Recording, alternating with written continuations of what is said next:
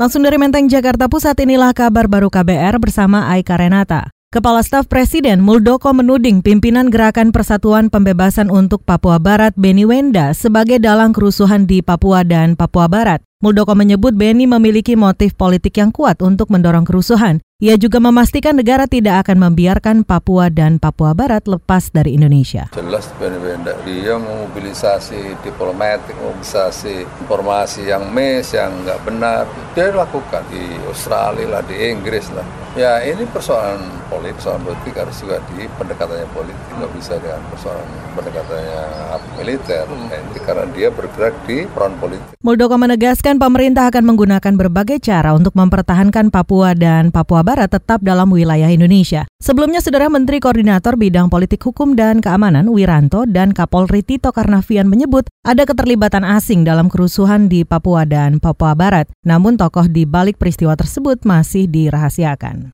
Kita beralih Komisi Nasional Hak Asasi Manusia Komnas HAM mengimbau pasukan TNI Polri yang berada di wilayah Papua berhati-hati dalam mengambil tindakan keamanan. Menurut Komisioner Komnas HAM BK Ulung Hapsara, aparat harus berhati-hati dalam mengamankan daerah konflik agar menghindari trauma pada masyarakat. Saya kira kan ini situasinya masih pemulihan ya, pemulihan keamanan untuk memastikan bahwa tidak ada lagi kerusuhan massa, terus tidak ada lagi aksi pengerusakan dan yang segala macamnya itu. Itu yang pertama. Kalau kemudian memang keamanan sudah bisa terkendali, baru kita kemudian bisa melangkah kepada tahapan berikutnya, yaitu dialog. Komisioner Komnas HAM BK Ulung Hapsara menyatakan TNI Polri memiliki pertimbangan tersendiri dalam penambahan pasukan. Sementara itu TNI Polri telah mengirimkan 6.000 pasukan ke Papua dan Papua Barat. Pengiriman pasukan ini diklaim untuk menjaga keamanan di sana.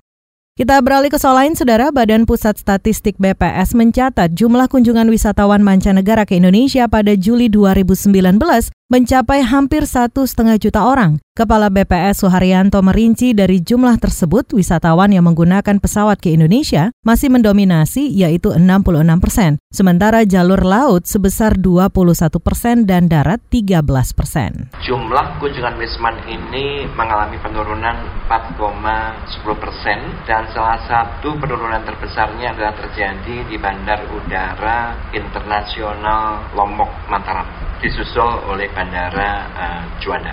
Jadi kalau kita lihat uh, pergerakannya biasanya bulan depan masih akan naik, kemudian turun sampai November, kemudian dia akan naik lagi di bulan Desember seiring dengan datangnya musim Kepala BPS Suharyanto menegaskan secara kumulatif dari Januari hingga Juli 2019 jumlah wisatawan mancanegara ke Indonesia naik 2,63 persen dibanding periode tahun 2018. Sementara itu tingkat penghunian kamar TPK Hotel di Indonesia pada Juli 2019 turun 2,57 poin dibanding periode yang sama tahun lalu.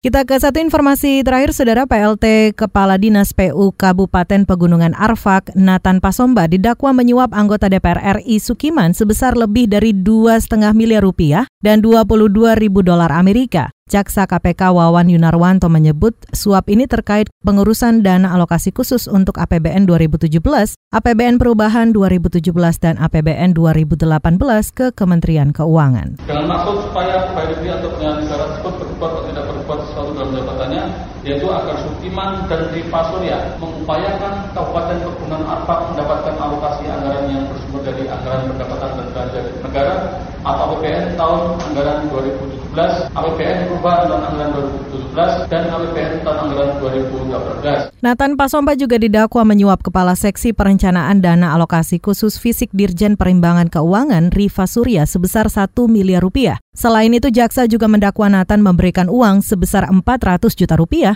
untuk tenaga ahli anggota DPR dari fraksi PAN Suherlan. Demikian kabar baru dari kantor Berita Radio KBR, saya Aika Renata.